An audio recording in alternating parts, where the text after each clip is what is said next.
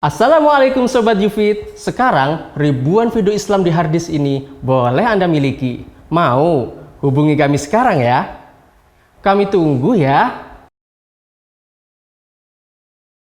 Bismillahirrahmanirrahim. Assalamualaikum warahmatullahi wabarakatuh. Alhamdulillahi wa kafa. Wassalatu wassalamu ala rasulihil mustafa وعلى آله وصحبه ومن اقتفى أما بعد Kita panjatkan puja dan puji syukur kehadirat Allah Tabaraka wa Ta'ala Pada kesempatan malam yang berbahagia kali ini Kita kembali diberi kekuatan, kesehatan, hidayah serta taufik dari Allah Jalla wa Ala Sehingga kita bisa kembali menghadiri pengajian rutin untuk mengkaji adab dan akhlak di dalam Islam di Masjid Jenderal Sudirman Purwokerto ini. Kita berharap semoga Allah Subhanahu wa taala berkenan untuk melimpahkan kepada kita semuanya ilmu yang bermanfaat sehingga bisa kita amalkan sebagai bekal untuk menghadap kepada Allah Jalla wa Ala. Amin. Salam dan salam semoga senantiasa tercurahkan kepada junjungan kita Nabi besar Muhammad sallallahu alaihi wasallam kepada keluarganya, sahabatnya dan umatnya yang setia mengikuti tuntunannya hingga akhir nanti. Para hadirin dan hadirat sekalian yang kami hormati dan juga segenap pendengar radio Insani via streaming dimanapun anda berada, juga para pemirsa Surau TV dan Yufi TV yang semoga senantiasa dirahmati oleh Allah Azza wa Jalla. Pertemuan terakhir kita membahas tentang kondisi yang ketiga. Apabila ada dua orang bertemu siapakah yang dianjurkan untuk mengawali salam? Pada kesempatan kali ini kita akan membahas kondisi yang keempat yang disebutkan dalam hadis riwayat Bukhari dan Muslim yang dibawakan oleh Imam Ibn Hajar Al-Asqalani dalam kitab beliau Bulughul Maram Kitabul Jami' An Abi Hurairah radhiyallahu anhu qal dari sahabat Nabi SAW yang bernama atau berjuluk Abu Hurairah radhiyallahu anhu bahwasanya Rasulullah sallallahu alaihi wasallam bersabda liyusallim as-saghiru 'ala al-kabir Kondisi yang pertama hendaklah yang lebih muda mengucapkan salam duluan kepada yang lebih tua. Wal maru 'alal qa'id. Kondisi yang kedua adalah orang yang berjalan dialah yang mengawali salam kepada orang yang duduk. Wal qalilu 'alal. Kondisi yang ketiga adalah yang ini baru kita bahas pada pertemuan yang lalu hendaklah rombongan yang sedikit mengucapkan salam kepada yang lebih banyak. Muttafaqun alaih. Hadis riwayat Bukhari dan Muslim. Wa fi riwayatin li Muslim kata Imam Ibnu Hajar, wa fi riwayatin li Muslim di dalam riwayat Muslim ada tambahan warakibu alal mashi. Kondisi yang keempat adalah hendaklah orang yang naik tunggangan atau kendaraan dialah yang mengucapkan salam kepada orang yang berjalan. Sebelum kita bahas kondisi yang keempat ini, kalau kita sekilas membaca perkataan Imam Ibnu Hajar Al-Asqalani ketika beliau menyebutkan tiga kondisi, yang pertama beliau katakan muttafaqun alaih. Hadis ini riwayat apa? Bukhari, Muslim. Begitu beliau memasuki kondisi yang keempat beliau mengatakan wa fi riwayatin li muslim. Dalam riwayat yang ada dalam sahih Muslim.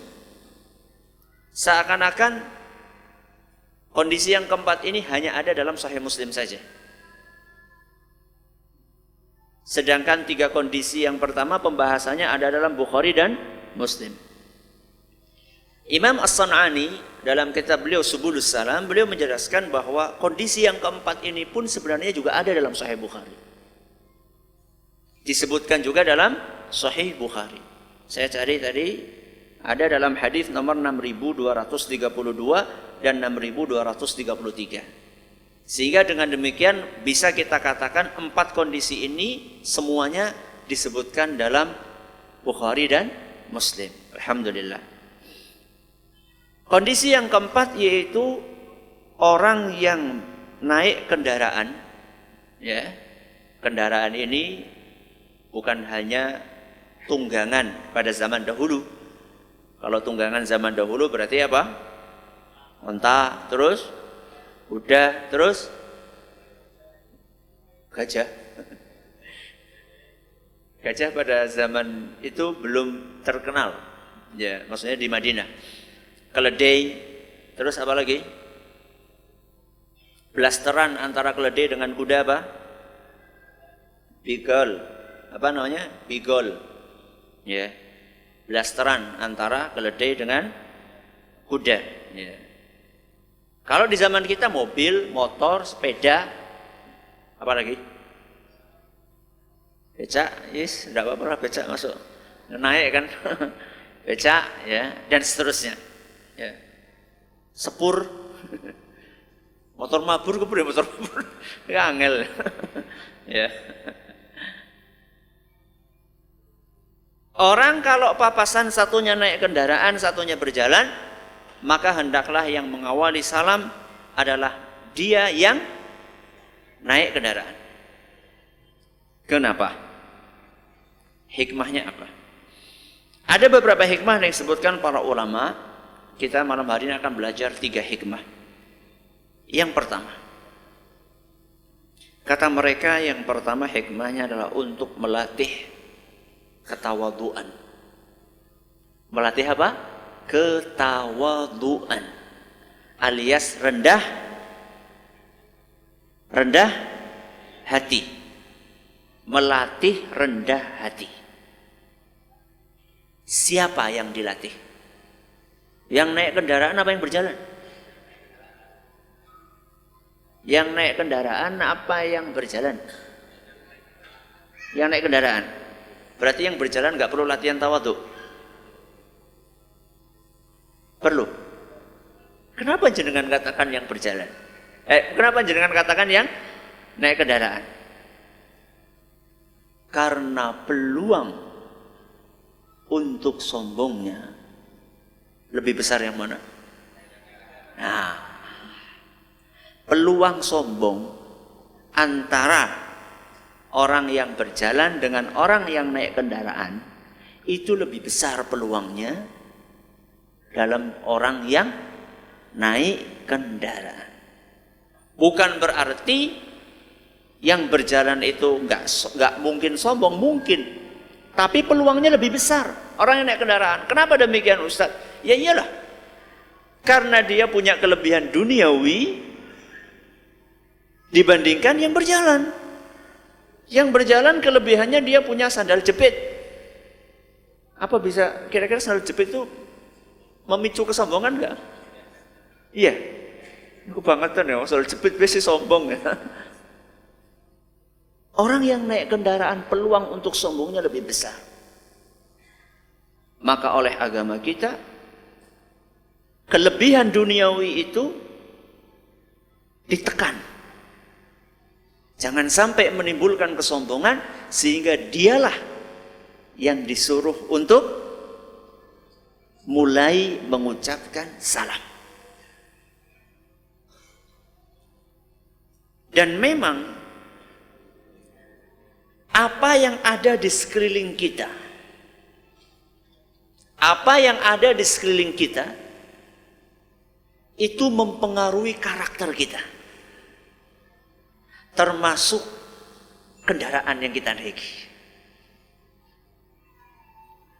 Karakter seseorang ada yang bawaan, kata orang Jawa mengatakan apa? Gawan bayi.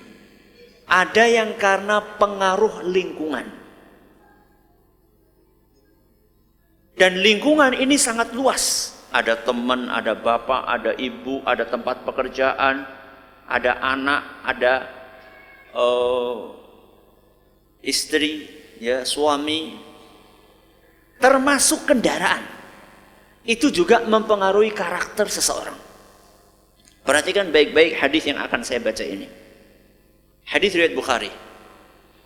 Rasulullah SAW berkata, Al-fakhru wal khuyala'u fi ashabil ibil. Keangkuhan dan kesombongan banyak ada dalam diri para penggembala onta. Saya ulangi, apa kata Nabi? Keangkuhan dan kesombongan ada dalam diri banyak penggembala onta. Selanjutnya kata Nabi SAW. Wasakinatu wal waqaru fi ahlil ghanam. Adapun ketenangan, kelembutan ada dalam kebanyakan penggembala kambing. Satunya penggembala apa? Onta, satunya penggembala kambing. Rasulullah SAW lihat penggembala onta banyak di antara mereka, semuanya. Banyak di antara mereka terjangkiti penyakit apa? Sombong, kasar, angkuh. Sedangkan penggembala kambing banyak memiliki sifat tenang, ya lembut. Perhatikan baik-baik keterangan para ulama. Kenapa? Kenapa kira-kira? Karakter yang ada dalam onta ya seperti itu. Sebaliknya karakter yang ada dalam kambing juga seperti itu. Tapi itu yang ini sama itu yang ini beda ya. Kalau itu yang pertama adalah angkuh, keras, kasar. Sedangkan kambing apa? Lembut, gampang dia apa? Diarahkan, lucu, ya. Kita kalau deket-deket sama kambing itu seneng kita ya. Kecuali baunya kita nggak suka. Tapi karakternya seperti itu. Ini menunjukkan apa? Bahwa apa yang ada di sekeliling kita itu mempengaruhi kita. Termasuk kendaraan kita. Makanya subhanallah dalam hadis riwayat Bukhari Rasulullah SAW mengatakan apa? Ma ba'athallahu nabiyyan illa ra'al ghanam. Setiap nabi yang diutus oleh Allah pasti menggembala kambing. Bukan menggembala apa? Onta. Hadis riwayat Bukhari. Sahabat bertanya, "Wa anta?" Kamu juga wahai Rasul? Kamu juga? Beliau mengatakan, "Na'am." Iya. Aku pun menggembala apa? Kambing. Karena para nabi dan para rasul membutuhkan kelembutan untuk membimbing umatnya. Sehingga oleh Allah Subhanahu wa taala dididik pertama kali sebelum diangkat menjadi nabi dididik oleh Allah ditatar dengan cara apa? Menggembala kambing. Dan menggembala kambing itu memang membutuhkan ekstra kesabaran. Karena kambing itu memang sukanya apa? Lari sana, lari sini, gitu kan? Kambing kan sukanya gitu kan? Apa nggak tahu kambing? Oh, ngerti ini pas baca tok ya.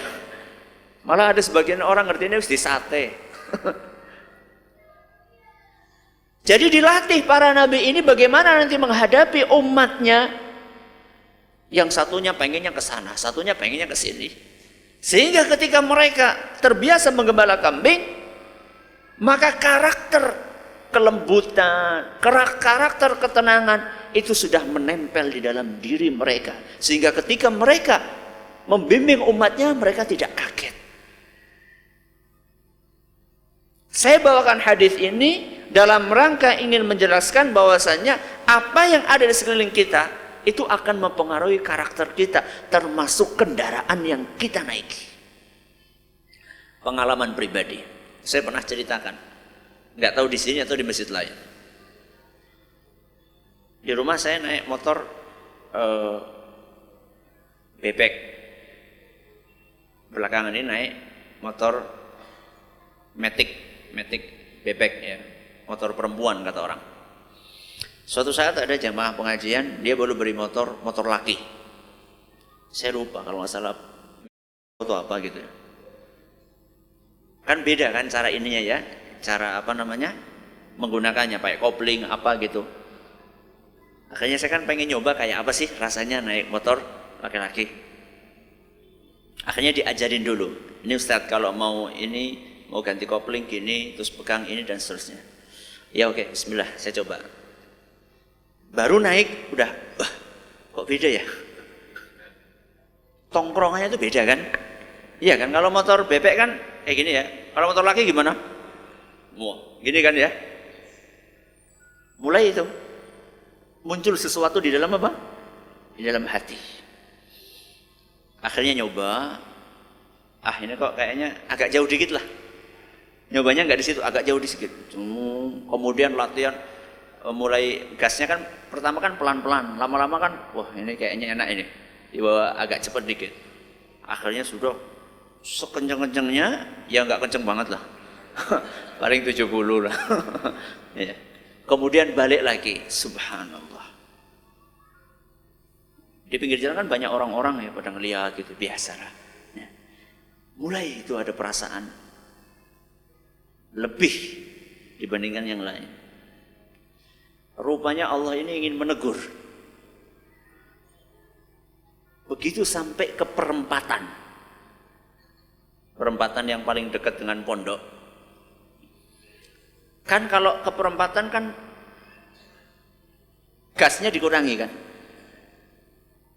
Nah kalau gasnya dikurangi ininya nggak pas itu kan apa? Mati. Pet, mati di tengah perempatan.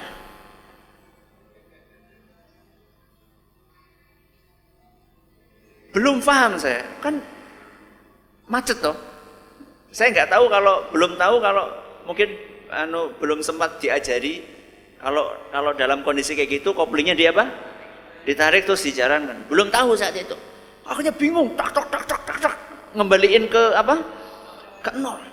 Di belakang ada truk. Bin, bin. Astagfirullah. Keringetan sudah itu. Akhirnya dengan memohon kepada Allah Subhanahu wa taala, akhirnya kembali juga ke kopling nol, akhirnya bisa dituntun akhirnya. Alhamdulillah.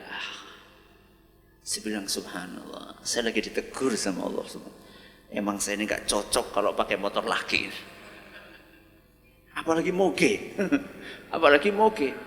Makanya subhanallah, jenengan perhatikan. Gak semuanya, gak semuanya, tapi banyak. Orang kalau pakai moge itu terkesan arogan di jalan. Terkesan apa? Arogan. Apa buktinya? Bukan hanya klakson. Nyuruh orang lain apa? Minggir. Ente siapa sih?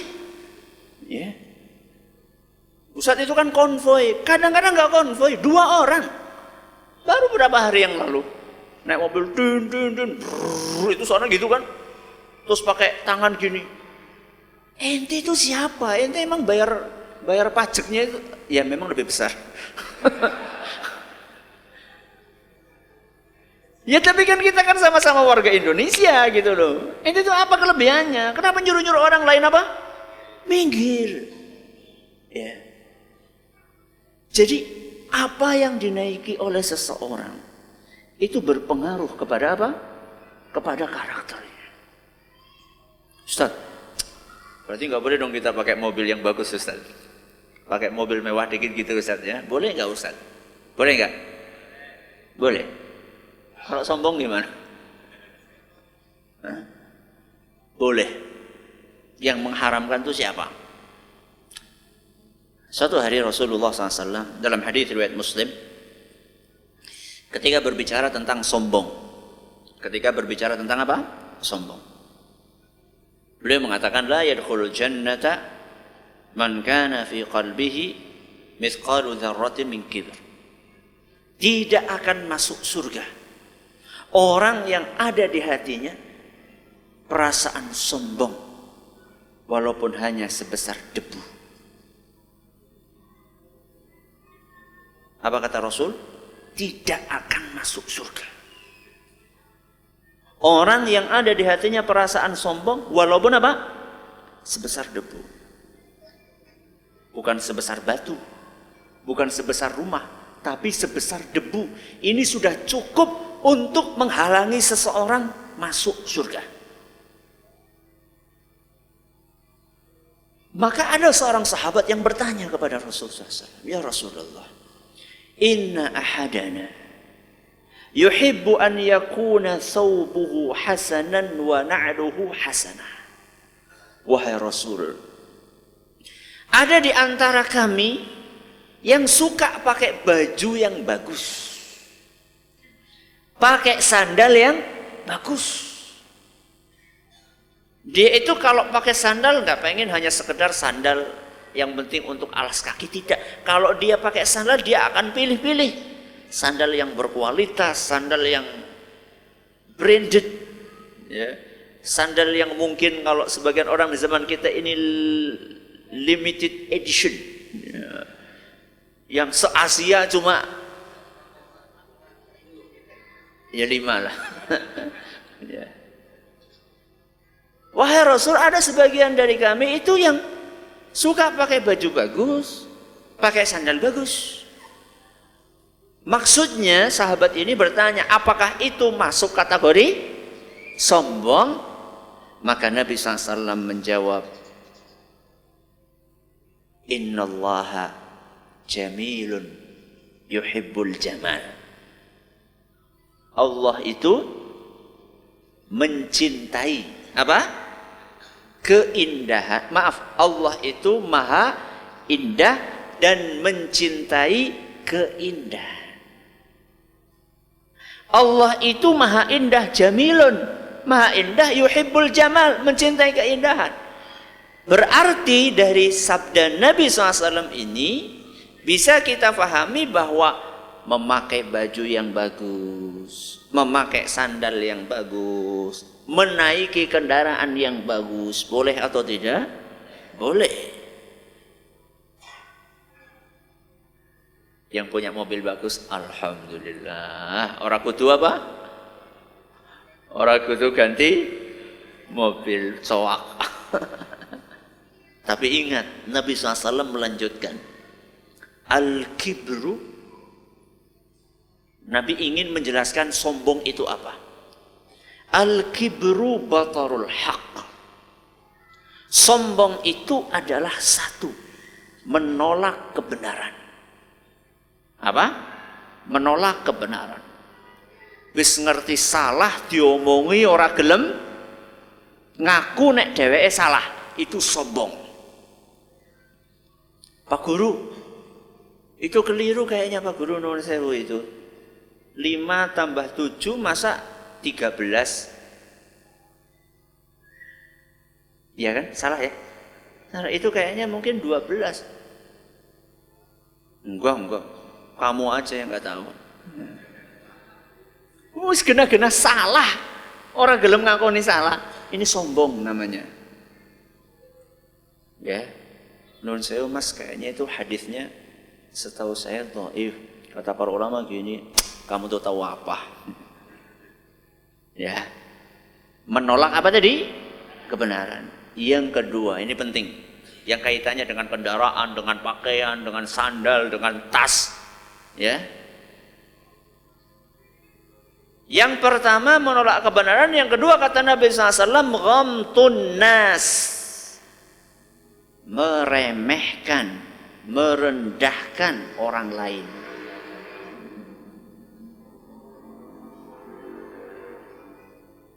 Jadi kalau kita naik kendaraan bagus, tidak masalah. Tapi kalau sudah sampai merendahkan orang lain, itulah masalahnya. Mentang-mentang pakai apa? Mobil yang keren, ya. Gak boleh nyebut merek ya. ya mobil mewah lah guys, mobil mewah mentang-mentang pakai mobil mewah kemudian mepet-mepet mobil yang apa? Mobil yang butut. Ya. Ustaz, emang kalau orang pakai mobil butut itu nggak bisa sombong Ustaz? Bisa nggak? Kok bisa? Hah? Gimana? Kawan bayi? Enggak, sombongnya itu gimana gitu loh. Maksudnya dari sisi mana sombongnya gitu loh. Bisa. Apa Ustaz? Ini loh, aku zuhud. Ini loh aku zuhud.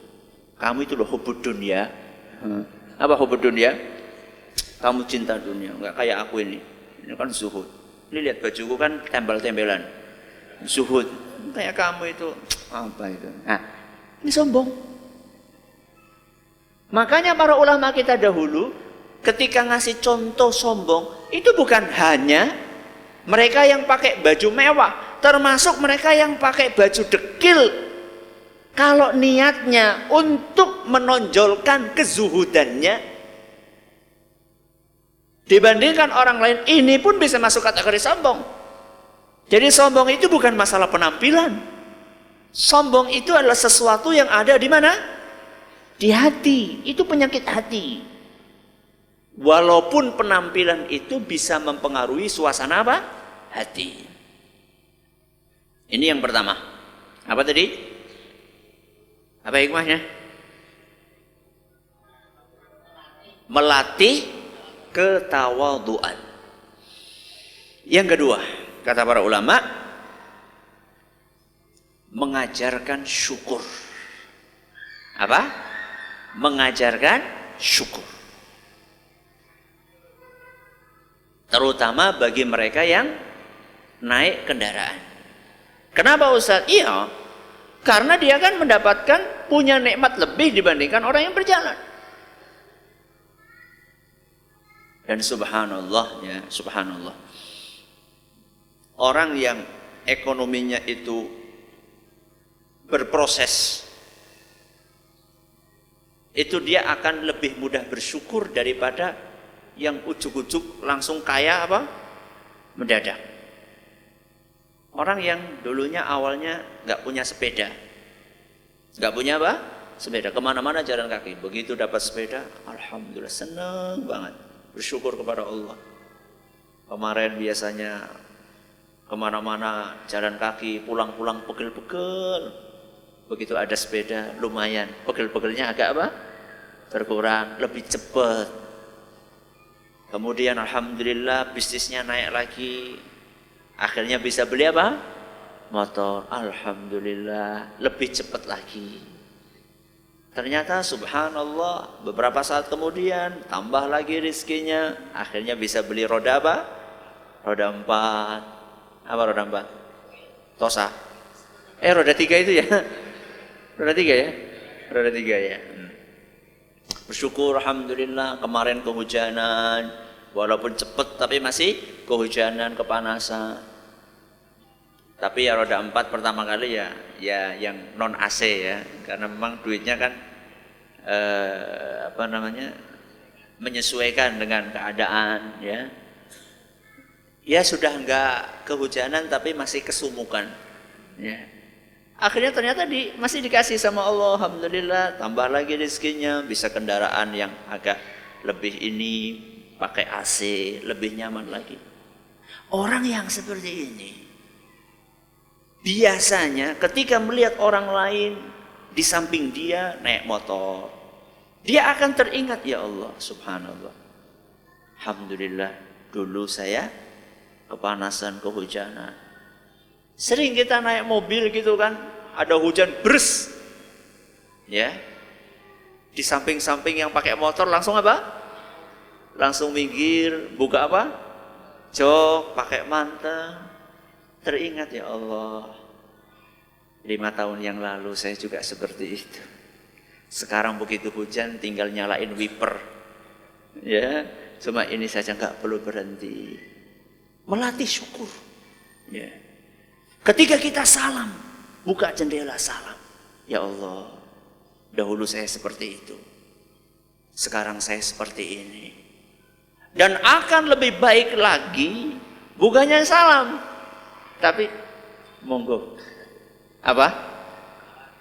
Ditawarin untuk ikut. Itu akan lebih baik lagi. Dan itu ada anjurannya dari Rasulullah Sallallahu Alaihi Wasallam. Rasulullah SAW bersabda dalam sebuah hadis yang diriwayatkan oleh Imam Muslim, "Man kana ma'ahu fadlu dhahrin falya'ud bihi 'ala man la dhahra lah." Barang siapa yang ada kursi kosong di kendaraannya maka hendaklah dia tawarkan itu kepada yang tidak punya kursi. Maksudnya yang jalan. Saya pakai bahasa kursi karena kita sekarang lagi ngobrolin tentang kendaraan yang saat ini kita naiki. Kalau zaman dahulu barang siapa yang tunggangan belakangnya masih apa? masih kosong. Hendaklah itu ditawarkan diberikan kepada orang yang nggak punya tunggangan. Seandainya ini kita praktekkan subhanallah. Ya akan terjadi hikmah yang ketiga yang nanti saya akan bawakan tapi ya jangan ada udang di balik apa batu. Ada mbak-mbak, monggo mbak. Ada mbah-mbah, lewat aja. ya. Sering kan kita kan pulang naik motor misalnya, naik motor lah, naik motor. Baru belanja dari pasar, nggak banyak belanjaan kita, cuma cantolan dua di depan penuh gitu saja, nggak sampai ke belakang-belakang pakai apa? pakai tali enggak. Berarti kan belakang masih apa? Oh, ternyata tetangga kita sama baru pulang dari pasar lagi mau nyetop apa? Angkot. Coba kalau misalnya kita tawari, masya Allah, monggo, Mas, ya. Kalau jenengan laki-laki Mas ya, yang perempuan Mbak. Ustaz kalau misalnya perempuan boleh nggak Ustaz? ya kalau kakak kandung jenengan tidak apa-apa. kalau wanita yang bukan apa-apanya jenengan, bukan mahramnya sebaiknya enggak. Kenapa Ustadz? Mbok jadi apa? Mbok jadi fitnah. Mbok jadi fitnah. Ya. Jangan-jangan malah pengennya baik, malah mengakibatkan apa? efek negatif. Makanya uh, dalam kaidah uh, usul fikih disebutkan uh, darul mafasidi muqaddamun ala jalbil masalih. Menghindarkan sesuatu yang negatif itu lebih diprioritaskan daripada mendatangkan sesuatu yang positif. Ya. Apa tadi? Menghindarkan sesuatu yang negatif lebih diprioritaskan daripada mendatangkan sesuatu yang positif. Kasih tunggangan kan positif kan ya? Kasih tunggangan positif. Tapi kalau dikhawatirkan menimbulkan apa tadi? Efek negatif, fitnah dan seterusnya, maka ini yang harus dikedepankan. Ya. Apalagi mobil, masya Allah. Ya. Kita punya kursi space kosong di belakang. Tapi ya kita perlu hati-hati juga banyak kejadian-kejadian dikasih hati malah minta apa jantung apa itu perampok ya perampok stop stop di, di jalan stop stop stop kita kasih tunggangan malah tahu-tahu dari belakang bawa apa bawa celurit ya.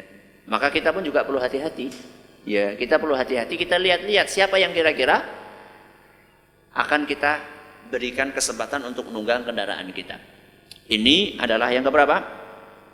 Ini yang hikmah yang kedua. Hikmah yang ketiga untuk menumbuhkan kasih sayang.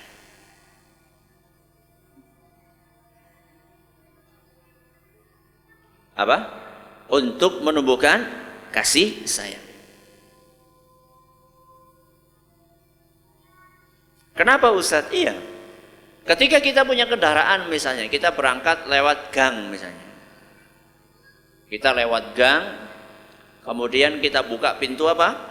Eh maaf, kita buka kaca kaca pintu. Kemudian sambil kita naik kendaraan, kemudian lihat ada orang, kita ucapkan di samping jalan, Assalamualaikum. Itu kan menumbuhkan keakraban. Ya. Berbeda seandainya kita naik kendaraan sama sekali nggak salam. Sudah kayak gitu, suara knalpotnya bikin apa? Bikin bising. Ya. Dan ada sebagian orang bangga ya. Saya heran loh. Dengan orang-orang yang suka memodif apanya? Knalpotnya. Ya. Mengganggu orang satu RT. Nikmatnya apa? Ya. Dan saya heran, saya yang di pinggir aja keberbegan. Kok dia yang naik enggak apa? keberbukan itu mungkin sudah mandan kepriwe mungkin. Ya, telinganya maksudnya. Sudah agak gimana gitu telinganya, ya. Belum lagi asapnya, ya. Belum lagi kadang-kadang ada genangan air, ber, langsung wah. Nyereti orang yang ada di samping. Ini semuanya kalau misalnya kita salam, maka hal itu akan bisa dihindari. Termasuk juga menghindari kecemburuan. Menghindari apa? Kecemburuan. Bagaimanapun juga ketika kita beli mobil, tetangga kita belum apa?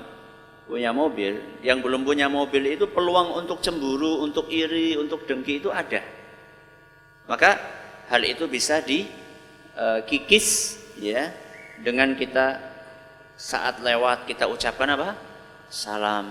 Bahkan kalau dia perlu kita naikkan ikut bersama kita. Itu semuanya kalau dipraktekkan maka kecemburuan, keirian, kedengkian itu bisa diminimalisir. Itu adalah kondisi yang keempat kalau orang naik kendaraan papasan sama orang yang berjalan. Nah sekarang kalau kasusnya dua-duanya naik kendaraan. Kalau tadi kan orang naik kendaraan ketemu sama orang yang jalan. Nah kalau naik kendaraan dua-duanya gimana? Yang disuruh salam duluan yang mana? Yang kendaraannya lebih mewah? Ya? Atau bagaimana? Yang mana? Kata para ulama kita dalam kondisi seperti itu tidak dilihat jenis kendaraannya. Ya. Yang mobilnya mewah, eh yang mobilnya butut suruh salam kepada yang mobilnya mewah enggak yang naik keledai supaya salam sama yang naik kuda, bukan. Itu enggak diperhatikan kata para ulama kita. Tapi dalam kondisi seperti itu mereka menjelaskan yang seharusnya mengucapkan salam adalah yang kualitas keagamaannya lebih rendah. Apa kualitas keagamaan maksudnya? Ya sing sholatnya bolong-bolong lah Kudune sing mulai salam kepada orang yang rajin apa? Salat. Itu kira-kira seperti itu. Ya. Jadi subhanallah para ulama kita itu melihat ke situnya. Jadi bukan oh mobilnya lebih mewah enggak. Tapi siapa pun yang kualitas keagamanya lebih rendah, merasa lebih rendah, maka dialah yang salam kepada yang kualitas keagamanya lebih tinggi. Dan saya katakan di sini kualitas. Ya bukan gelar. Ya. Bukan saya katakan berarti jamaah pengajian dialah yang harus salam kepada siapa? Ustadznya nggak mesti. Ya. Belum tentu ustadznya itu lebih rajin beribadah daripada jamaahnya ya ya ngerasa sendiri aja lah ya. mana yang lebih apa sing rumongso lah sing rumongso oh saya kayaknya kalau ngelihat beliau ini kelihatannya beliau lebih Sholat lima waktunya lebih rajin di masjid, masya Allah, ilmunya lebih banyak. Ya wis nyong tak salam. Walaupun mobilku lebih apa? Lebih kinclong daripada uh, dia gitu deh. Lah sekarang Ustadz kalau kasusnya sama-sama naik kendaraan dan sama-sama kualitas agamanya tinggi. Ya. sama-sama rajin jamaah, sama-sama ilmu agamanya banyak. Itu siapa yang salam duluan? Kata para ulama kita, siapa yang lebih mulia di sisi Allah, dialah yang akan salam duluan. Ya. Maka ketika itu semuanya sama, kendaraannya sama-sama bagus, ilmunya sama-sama tinggi, sama-sama rajin ibadah, maka siapa pun yang mulai duluan itulah yang lebih mulia di sisi Allah Subhanahu wa taala. Rasulullah SAW bersabda dalam sebuah hadis yang diriwayatkan oleh Imam Al-Bukhari dalam kitab beliau Al-Adabul Mufrad dan sanadnya dinyatakan sahih oleh sebagian ulama al-mashiyani ijat idza ijtama'a fa ayyuhuma bada'a bis salam fa huwa afdal. Orang yang berjalan berbarengan atau berpapasan siapa pun yang mulai duluan salam itulah yang lebih mulia. Siapa pun yang mulai salam duluan, dialah yang lebih mulia. Maka dengan itu kalau ketemu sama orang gak usah enten-entenan. Yang lebih tua ya ngenteni kana. Sing kana ngomong, oh nyumbuk ilmunya lebih dhuwur. Ora sida salam nek gue. ya, maka siapa pun yang mendahului mengucapkan salam, maka itulah yang lebih mulia di sisi Allah Subhanahu wa taala. Ada pertanyaan? Dengan demikian kita menyelesaikan hadis yang keberapa ini ya? Tujuh apa ke delapan ya? Nanti kita akan pindah ke hadis berikutnya pada pertemuan yang akan datang insya Allah. Ya. E, di zaman kita ini salam diganti klakson. Din. Itu bagaimana? Pertama, saya sudah sering sampaikan bahwa salam itu adalah sapaan yang paling istimewa di muka bumi ini. Saking istimewanya sampai orang Yahudi itu iri banget sama umat Islam. Innal Yahuda kaum husudin atau hasadin. Orang Yahudi itu identik dengan sifat dengki. Orang Yahudi itu identik dengan sifat iri. Dan sesuatu yang paling membuat mereka iri kepada umat Islam, salah satunya umat Islam punya salam. Karena memang salam ini luar biasa kandungannya. Dan kita pernah bahas dahulu. Ya silahkan jenengan apa? Jenengan buka kembali tentang makna salam, konsekuensi salam. Itu pernah kita bahas. Hadis yang pertama hak sesama muslim ada berapa? Enam. Ya, yaitu bicara tentang salam. Luar biasa salam ini. Karena salam itu bukan hanya ungkap, bukan hanya sapaan, tapi ada unsur doanya. Ya, dan doa yang dikandung di dalamnya luar biasa kalau kita tahu arti dari Assalamualaikum warahmatullahi wabarakatuh. Maka nggak bisa digantikan dengan din. Din gue harus Din gue itu apa coba? Din. Sana ron. Gak ada doanya. Gak ada doanya. Ustaz. Kita lagi papasan nih, Ustaz. Motor sama motor. Atau mobil sama mobil. Kacanya apa? Kacanya nutup. Masa kita buka dulu? Waalaikumsalam. Bahaya Ustadz untuk keamanan. Nah, kalau dalam kondisi seperti itu, kata para ulama kita ini pernah ditanyakan sama seorang ulama di Masjid Nabawi ketika kami masih kuliah di Madinah. Kata mereka, klakson tidak apa-apa. Klakson tidak apa-apa, hanya sekedar untuk tanda. Tapi mulut kita tetap salam. Jadi, Assalamualaikum, din. Sana Waalaikumsalam ton. Jadi tetap ada apanya? Ada salamnya. Bukan salam diganti dengan klakson bukan. Klakson hanya untuk tanda bahwa kita menyapa dia. Atau kadang-kadang apa namanya? Lampu dim. Ya, lampu dim plep Sana juga plep Ya. Dan ini tentunya di antara mereka yang sudah ngaji mungkin paham gitu ya. Kalau yang belum ngaji ya dipahamin, ya, di dipahamin. Ya. Yang lain? Silakan. Monggo. Terima kasih atas pertanyaannya. Pertanyaannya tadi sombong adalah menolak apa? Kebenaran. Sekarang kalau misalnya ada orang ngajak kita ngaji, eh ada pengajian. Siapa sih ngisi? Anu. Anu, sebut nama gitu.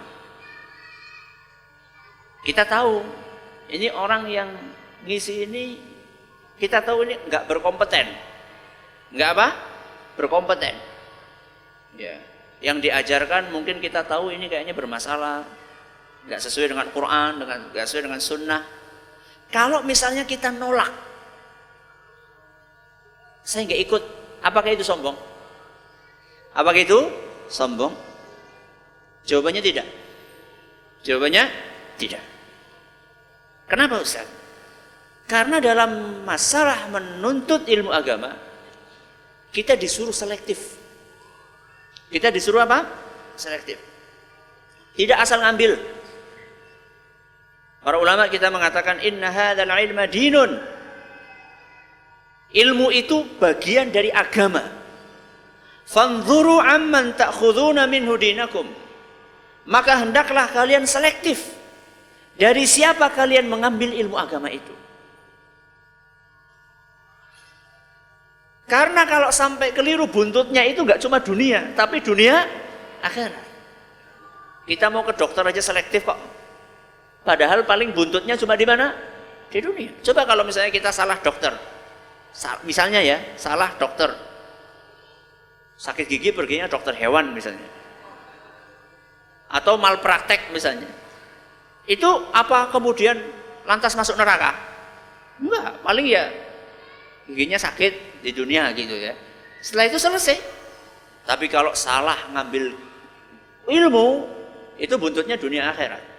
Buntutnya dunia akhirat. Maka kalau misalnya kita eh, diajak menghadiri pengajian dan kita tahu yang menyampaikan tidak berkompeten karena yang disampaikan mungkin tidak sesuai dengan kitab dan sunnah, maka yang seperti itu ketika kita katakan tidak ikut, tidak ikut, maka tidak masuk kategori apa? Sombong. Tapi cara menolaknya dengan cara yang apa? Yang sopan, yang halus, yang tidak yang tidak menyinggung perasaan. Kecuali kalau sudah tahu ini berkompeten. Ini ber, berkompeten. Yang diajarkan benar. Kemudian dia merasa lah anu bocah cilik kayak Yang tuli lebih tua. Ya. Kayak kan lebih telung puluh tahun, yang wis widak tahun, masa nyokon ngaji ngana. Ini kalau itu alasannya maka ini adalah kesombongan. Dia tua, tua apa nih? Ya. Maka eh, kalau alasannya tadi tidak masuk kategori sombong. Wallahu taala ala wa alam. Terima kasih atas perhatiannya. Mohon atas segala kurangannya. Kita tutup dengan membaca subhanakallahumma wa bihamdika asyhadu an la ilaha illa anta astaghfiruka wa atubu ilaik. Assalamualaikum warahmatullahi wabarakatuh.